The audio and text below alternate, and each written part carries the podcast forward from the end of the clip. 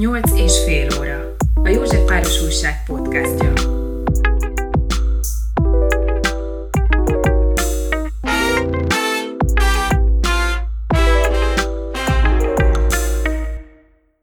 Vendégünk Borsik Miklós költő, író, maga is Józsefvárosi lakos, aki korábban biciklis futárkodással kereste kegyenét. Megtudtuk tőle, hogy rendelnek ételt a Korvin sétányon, A pontból A pontba, mit figyelt meg futárként a városról, vagy mekkora kihívást jelent, hogy a Calvin tér vagy a Leonardo utca versbefoglalása egy nyíregyházi olvasót se hozzon zavarba. Valamint két versét fel is olvasta nekünk. Ugye azt láttam rólad a neten, hogy versírással foglalkozol, most már prózát is írsz, grafika, illetve azt is lehet tudni, hogy biciklis futárként is dolgoztál, hiszen a közelmúltig. Hát ez egy szokatlan kombináció. Hogy, hogy jött össze ez így? Hogy jött be a képbe mondjuk a biciklis futárkodás az életedben? Egyrészt azért kezdtem el futárkodni, mert egy, egy másik szemüveget vehetek fel a város észleléshez. Tehát alapvetően a város érdekelt, de nyilván ez egy hazugság félig meddig, mert a megbízható jövedelem forrást is jelentette ez. Miután eljöttem a Petőfi Irodalmi Múzeumból, amikor Demeter Szilárd lett ott az igazgató, amúgy nagyon jó közegben dolgoztam a Digitális Irodalmi Akadémiában.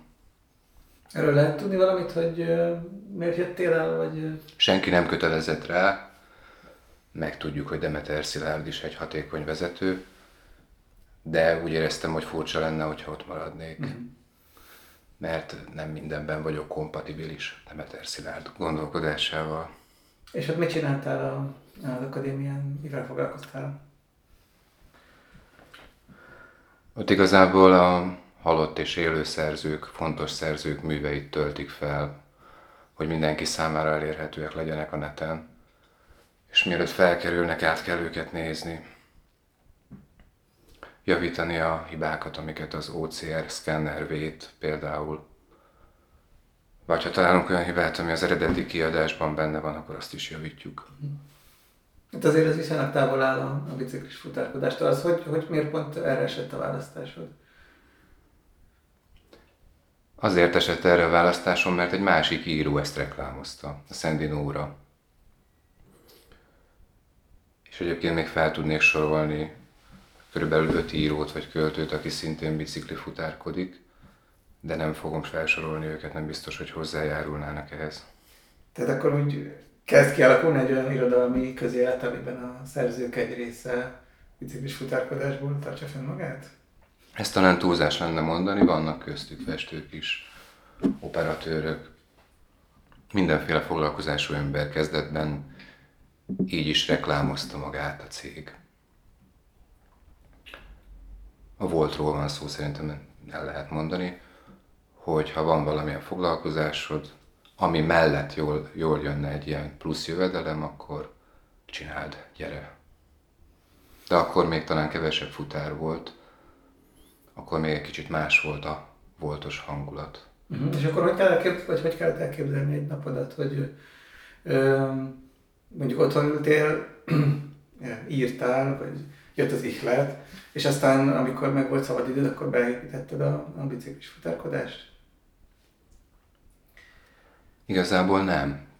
Állandóan párhuzamosokat látok, tehát a futárkodás az bizonyos tekintetben üres munka. Legalábbis én nem tudom megfékezni azt, hogy visszagondoljak a versekre, miközben A-ból B-be eljutok. Persze oda kell figyelni arra, hogy mi történik, máskülönben elütnek, vagy kifolyik a leves, de azért van egy tér, ahol gondolkozhatsz más dolgokon. Mint ahogy egyébként a filmes statisztálásnál is ez van, korábban azt is gyakran vállaltam. Uh-huh.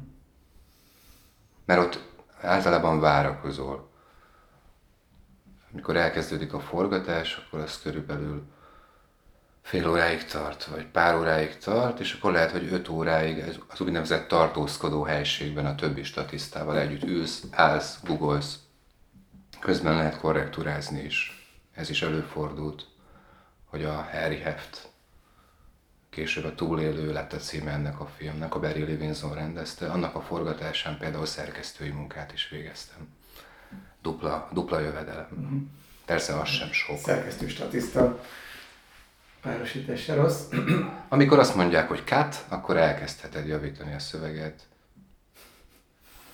És um, milyen munka a, a, a futárkodás? Igazából ugye ez egy utóbbi időben um, Hát sokat beszéltünk róla, vagy lehetett róla beszélni, hogy, hogy egyrészt jön föl, ugye a, a pandémia alatt a, az ételrendelés egyre, egyre nagyobb mértéket öltött, és hogy a, arról is van szó, hogy, hogy hát egyik több ilyen cég is van, vagy, vagy lett, és meg hogy, hogy milyen viszonylag sok pénzt lehet ezzel keresni. És van egy pici ilyen, talán sejtelmesség is e, e körül a munka körül, hogy az emberek így látják a városban cikázó futárokat.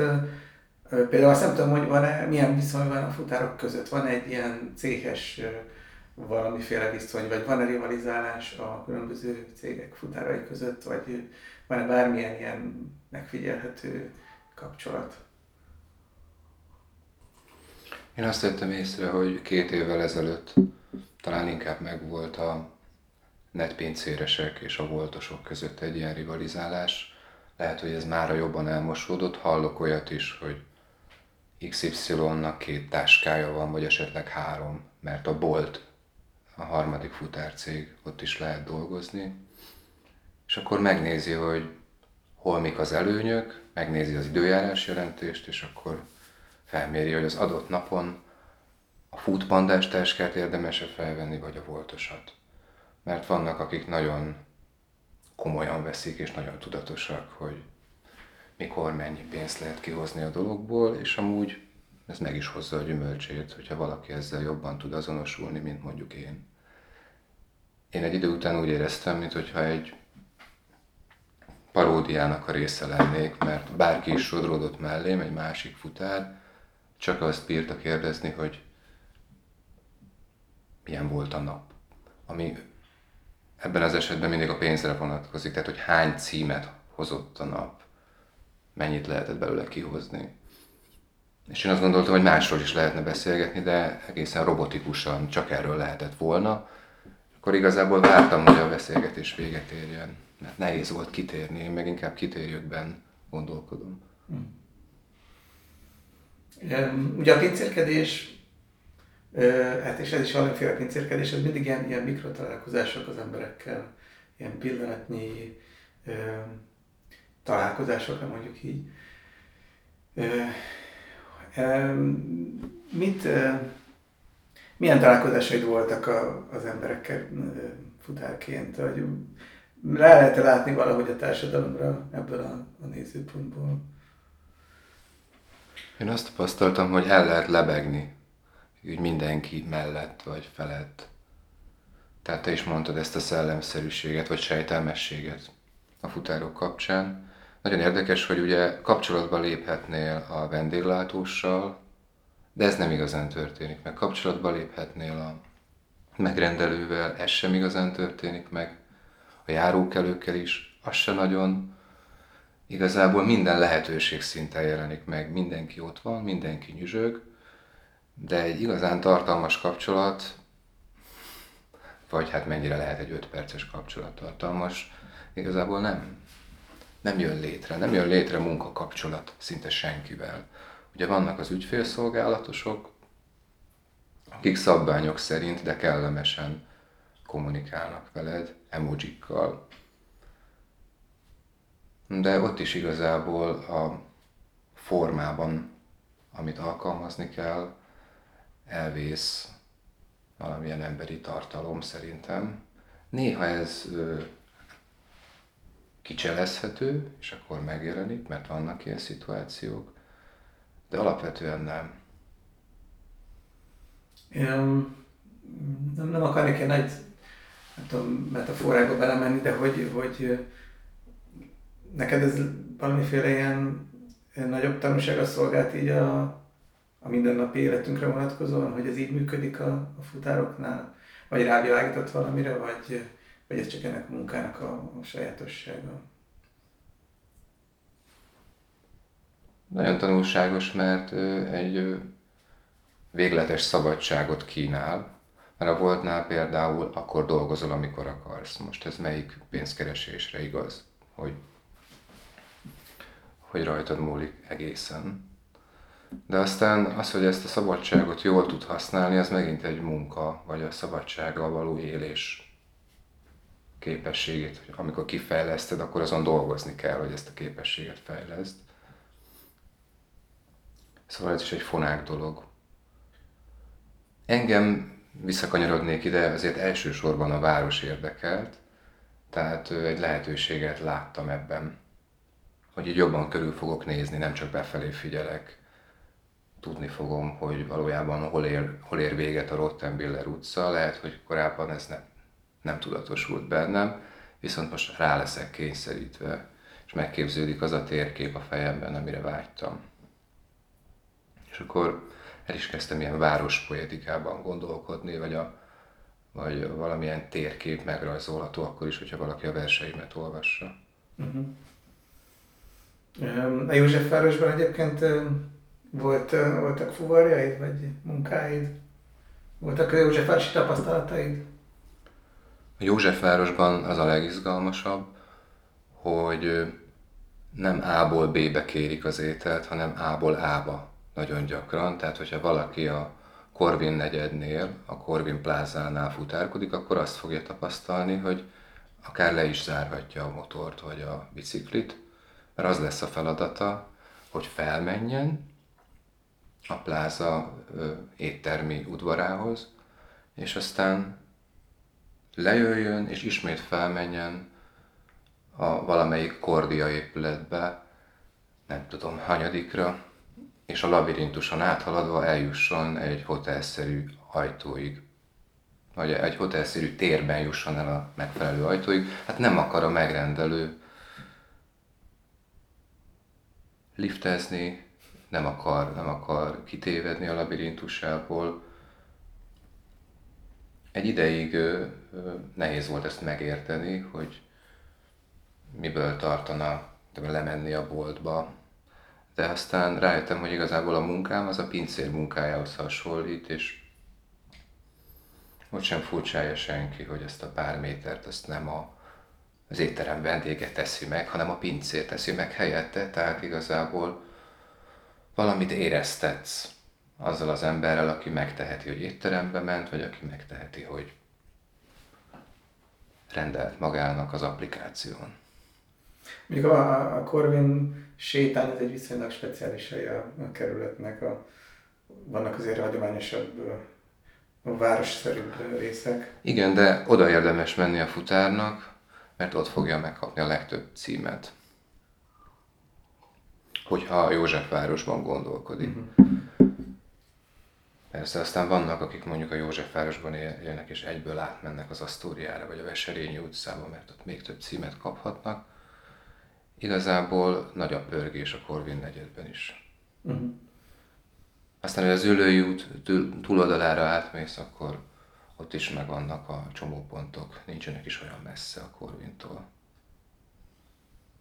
Ez a várospoetikát mondtad, és akkor hogy már kicsit áttérünk a, az irodalomra, meg a versekre. Ezt, ezt kifejted, vagy ezt megmagyarázod, hogy mit jelent? Engem mindig az észlelés, az észlelhetőség érdekelt, tehát hogy hogy lehet úgy leírni a világot, vagy hogy lehet közelebb kerülni az, hogy én hogyan ismerem meg a világot egy költői nyelven keresztül. Most az észlelésnek egy sajátos módja, amikor mozogsz. Akkor még speciálisabb, amikor a városban mozogsz. És akkor meg lehet ezt szórni azokkal a tulajdonnevekkel, helynevekkel, személynevekkel, amelyek mások számára is ismertek. És ezzel kísérletezem a most készülő kötetemben. Az előzőben sokkal kevesebb tulajdonnév volt. Ott, ott egy ilyen tabujátékot játszottam. Mondjuk lehet, hogy a Calvin téren zajlott a vers, de mégsem jelent meg benne a Calvin tér név szerint. De egy tágasabb teret szerettem volna. Most pedig el, el lehet menni a másik szélsőség felé, ahol viszont az fog felvetődni, volt már olyan ember, aki azt kérdezte tőlem egy beszélgetésen, felolvasáson, hogy nem tartok-e attól, hogy a vidéki úgy érzi, hogy ki van zárva a versből, mert ő nem tudja dekódolni azokat a viszonyokat, amiket megírsz. Kérdezte tőlem. Ez egy kihívás ebben úgy írni a Da Vinci utcáról, hogy az élvezhető legyen egy nyíregyházinak is. Mert ennyire fundamentális szerepe tud lenni egy helynek, tehát hogy, hogy akkor te be, belerakod azt, ami a mondjuk egy, egy József városának a Leonardo da Vinci utcából beugorhat, de mondjuk egy Pécsinek már nem fog beugrani. Tehát, hogy akkor ez... Kell valamilyen kompromisszum. Ezt jó esetben lehet érezni, miközben készül a szöveg. Aztán a visszajelzésekből le lehet szűrni, hogy hát ez túlságosan belterjes lett, vagy túlságosan lokális lett? Um, ez az, hogy belterjes, ez nem... Hát ez arra vonatkozik, hogy ugye jó pár költő ismerős van, aki szintén itt él uh-huh. Pesten, és azért edződni kell, tehát hogy úgy kell tudni csinálni ezt, hogy ne csak nekik így, még akkor is, hogyha rájuk gondolsz gyakran, meg lehet, hogy ők fogják először véleményezni a szöveged, amikor elkészül az első változata. Uh-huh. Csak azért jutott eszembe ez a, vagy azért jutott meg a filmet ez a, jelző, hogy az egész, nem tudom, magyar lírára vagy irodalomra elő szokott kerülni, mint jelző, vagy belterjes, tehát hogy egymásnak írnak a szerzők, úgy már nagyon kevesen olvasnak verseket, és hát van, aki próbál, vagy, vagy akar ez ellen tenni, vagy ez az igyekezet megfigyelhető a a művészetén, valakinek ez probléma, valakinek. Tehát, hogy ez azért egy, ez így előjön, mint, mint fogalom. Ugye erről van valamilyen gondolatod? Engem kifejezetten izgat, hogy hogy lehet olyan szövegeket írni, amik nem csak a szerkesztőket, nem csak a írókat érdeklik. Van, vannak ilyen esetek. Például az Erdős Virág, aki a legutóbbi kötetében elég sokat ír a futárkodásról szintén. Ő sokszor végrehajtja ezt a truvájt, hogy meg tud szólítani olyanokat, akik amúgy távolabb is esnek a jelenkor folyóirat szerkesztőségétől. Um, ja, azt kértem tőled, hogy, hogy hozzá pár verset felolvasni.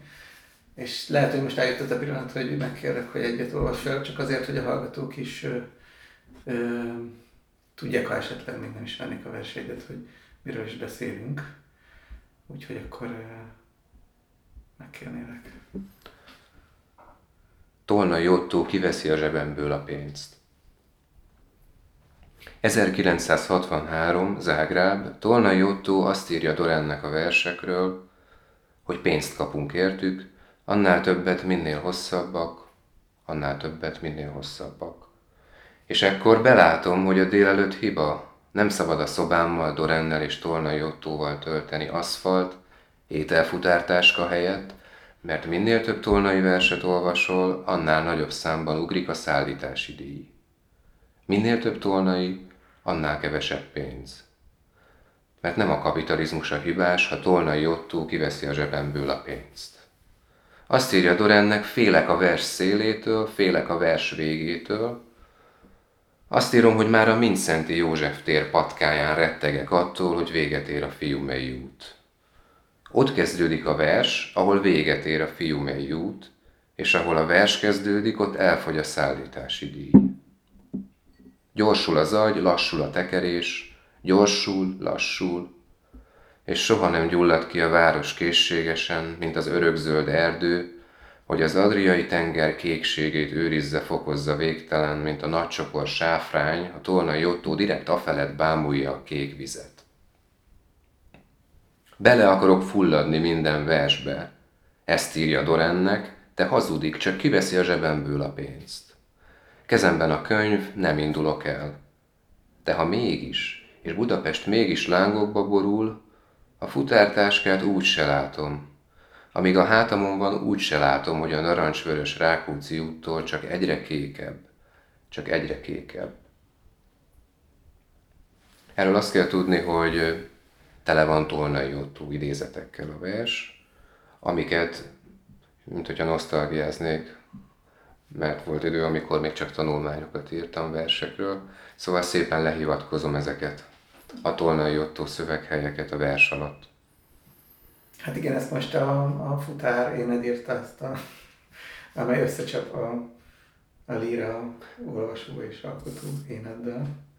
Igen, identitások ütközéséről van itt szó tulajdonképpen, és hogyha azt mondom, hogy mégsem csak a város szépségét szeretném megírni, vagy a helyek egymáshoz való viszonyát, akkor is igazat mondok, mert ilyen identitásokat, belső identitás harcokat is megírok ezekben a szövegekben. Egy másik versetet olvastam, és ott az tűnt fel, hogy mintha az ilyen közösségi médiában használt nyelvet dolgoznád föl benne, vagy használnád benne, mint hogyha ugye a közösségi média arról is híres, hogy vagy megfigyelhető benne, hogy hogy mindenkinek mindenről legyen lehetőleg egy nagyon sarkos és nagyon rövid véleménye, tehát a legkomplexebb, legbonyolultabb problémákat is képesek legyünk leírni négy szóban, és hogy ez a, az, hogy ebben élünk, meg ezt olvassuk, ebben nyilvánulunk meg, ez nyilván a világlátásunkra, meg a észlelésünkre is kihat. Ez mennyire jogos megfigyelés a részemről, hogy ezt a világot megpróbálod így a versekben, vagy valamelyik versetben felhasználni. Biztos, hogy megérinti a verseket a közösségi média nyelve. Igazából az egy nagyon sajátos szituáció, hogy a legtöbb versnek a terjedelme teljesen kompatibilis a Facebook poszt által adott keretekkel. lehet, hogy egy regényt nem fogsz kiposztolni, még részletekben sem. De igazából a verset azt valamennyire próbára lehet tenni Facebookon. De hogyha ott teszed próbára, annak megvannak a kockázatai is, tehát hogy elkezdesz idomulni ahhoz, amilyen a Facebook, vagy amilyennek a Facebookot elképzeled, vagy a Twittert, vagy az Instagramot. Az Instagram is nagyon kedvez mert ott egy nézetes képre rá tudsz rakni nem csak egy hajkut, nem tudom én, egy szonettet is, és akkor várod, hogy mi történik. Mit gondolsz, hogy mennyire egyedi ez a te keresgélésednek hozzáállása a magyar irodalomban, tehát mennyire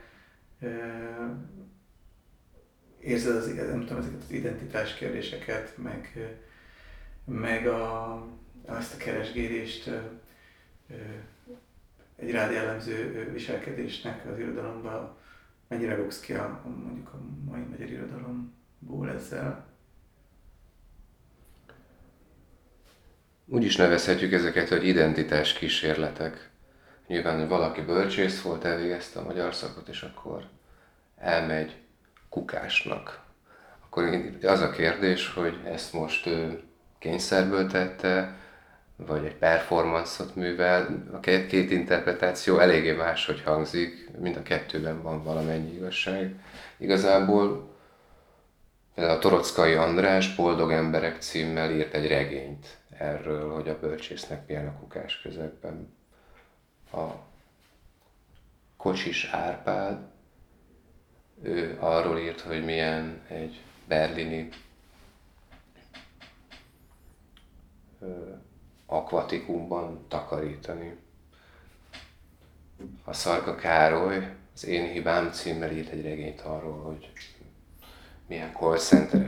Hát nyilván nem csak arról szól a regény, de hogy van egy ilyen tendencia, ez tényleg egy létező tendencia, hogy megírják ezek az emberek, hogy mit csináltak a Margón a pénzkeresés céljából. Már hogyha ez mindig a regényekben is ingadozik már, hogyha ezt Margónak látjuk, vagy perifériának. Um, az is egy viszonylag régi topik, hogy a, a művészek szeretnének csak a művészettel foglalkozni, vagy van egy felmerülhet egy ilyen igény, és hogy ebben mondjuk az államnak kötelessége lenne, vagy kötelezettsége lenne, hogy segítse őket, mondjuk valamennyire eltartsa őket. Aztán az is mindig kiderül, hogy azért ez egy pici piac, és hogy azért csak egy-két szerző tud megélni abból, amit ír, de hogy mondjuk pályázatok vagy ösztöndíjak segítségével azért könnyebbé tenni a művészek életét. Ez mennyire jogos elvárás, hogy mondjuk a te generációd, nem muszáj generációs kérdést csinálni, mai alkotók mennyire elfogadják azt el, hogy ez nem lehet így, vagy, vagy nincs így, vagy kevésbé van így, hanem, hanem akkor el kell menni a katikum takarítónak, vagy kukásnak. Szerintem nem kell. Tehát, hogy valójában nem, nem vagyunk olyan nyomás alatt, hogy ne legyen más választásunk. Ja, van, van, van ezeknek a helyzeteknek egy vonzereje is. Persze nem mondom, hogy a, az itt megszerzett élményekből rengeteget lehet majd profitálni, vagy szükségszerűen profitálni fogunk, hogyha majd megírjuk őket. De például fontosnak tartom, hogy, a, hogy senki nem mondta, hogy nekem a Petőfi Irodalmi Múzeumból el kell jönni. Igazából mindig vannak itt ilyen elágazások, és azért nagyon nagy szigort nem észlelek. Ez nem lehet egy kicsit ilyen komplexusos viszony a, szerzőknek, hogy ö, nekik hát viszonylagos jólétben élnek, és hogy egy picit ez ilyen lelkismert furdalást okoz, hogy a társadalom egy, egy jelentős része pedig mondjuk nem abban él, és akkor megmerítkeznek ebben a, ebben a kétkezi munkás létben azért, hogy, hogy ezt egy picit ellensúlyozzák.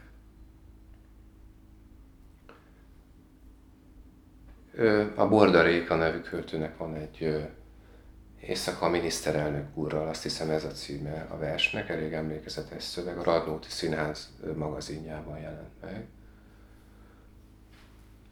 És ott még azt is olvashatjuk, hogy valaki átöleli, és a miniszterelnök átöleli és megszorongatja a fiatalságomat. És az jutott arról a versről eszembe, amikor elemeztem, hogy a miniszterelnökben és abban a figurában, aki a versben valamennyire a költőnek az alteregója, az a közös, hogy mind a, kette, mind a kettőnek van hol aludni. hogy van egy ágy. Most nem tudom, hogy az a versben a miniszterelnök ágya-e, vagy a, vagy a versben beszélő figura ágya-e, de nem is ez a lényeg, hanem hogy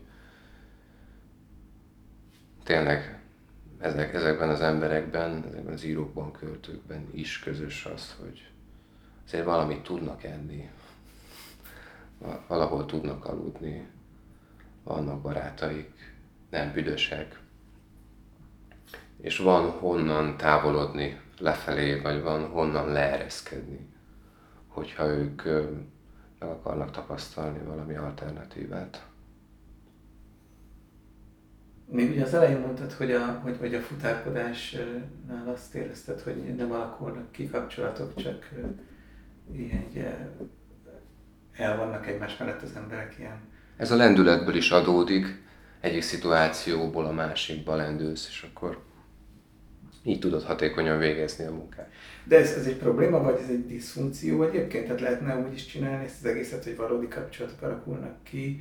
Ez a magyar társadalom ról mond valamit ez a, ez a helyzet, vagy ez igazából csak a futárkodásnak egy belejárója, bele, rohanója? Nem, ez szerintem erről a munkatípusról mond talán valamit. Hát, hogy más, hogyha egy munkaközösségben vagy állandóan, mint mondjuk ti a Józsefváros újságnál, ott igazából nincsenek ilyen visszatérések. Szó szigorú értelmében nekem a szupportos nem a kollégám, köszönünk egymásnak, valamilyen problémát megoldunk pár sorban, a cseten, hogyha mondjuk összecserélődtek a rendelések, de amúgy el is felejtem a nevét a következő pillanatban. Neki is már más a viszonya a másik szupportossal, akivel mondjuk kedden is, szerdán is, és törtökön is találkozik. Jó, köszönöm. Akkor még végezetül meg kéne, hogy még egy verset olvas fel. Amikor Jánbor András szétkergette a Fidelitást. Vida Kamillának. Amikor Jánbor András szétkergette a Fidelitást, nem voltam ott. Pedig mennyi húr pendült a paneltövi hangszerarzenálban, ahol a műhelytapéta hirtelen lehámlott. Nem voltam ott, csak meghallottam. Csak dobbantott egyet a Molnár Ferenc téren, az orcina kezemből kiesett a kés, megrágatlanul nyeltem le az összes póréhagyma hengert, láttam, hogy József város szikrázni kezd, és a plakát rongálók szétspriccelnek a Hello Chickenbe, a Cintányérosba, az Epic Burgerbe, iszkolnak a Losonci negyed hűvös alagútjain át, a csatornafedőket kiemelik, és az elszántan lejtő Práter utcán végiggurítják, hát ha csikorgás és pengés elnyomhatja Jámbort. Volt, aki a Madame fő pultja alatt kucorogva, rémületében külön válogatta az ananászos díszcukorkákat, és a második dobbantásnál a Ganz negyed ketté repett. Egy száguldó palotapincsi a szakadékba zuhant, vagyis ezt mondták, mielőtt kiderült halucináció, és a kutyaszőre nem is hullott ki fél perc alatt, hogy a hátán narancs színű, többet bolygók virítsanak. Nem igaz, hogy a harmadik jámbor dobbantásnál visszanőtt a szőr, de többen hitték, mindjárt kiürülnek belülről, nem marad más a testből, csak plakát könnyű bőr, összeesve, amit az erős szél felkap, elfújja Visegrádig, Bostonig, Melbourne-i konténerek szívják be azokat, akik féltek, de nem baj, mert nem történt meg, nem történt semmi baj. Csak keresztül surrant egy lány a Corvin plázán, egészen a Reserve-ig, és ott egy próbafülkében egy papír jámbor letépet fejével ült. Szomorú volt, Jámbor András nem dobbantott többet. Hát ezt a, abszolút értékelni tudják a kerületi lakosok, és el tudják helyezni a különböző szereplőket és színhelyeket, még lehet, hogy egy nyíregyházi kicsit uh, handicappel indul. Minden esetre lehet, hogy ő is látott már Jámbor András szelfit, melyen az átszellemült arckifejezés egy kicsit bibliás. Hát jó, köszönjük szépen beszélgetést. Én is köszönöm.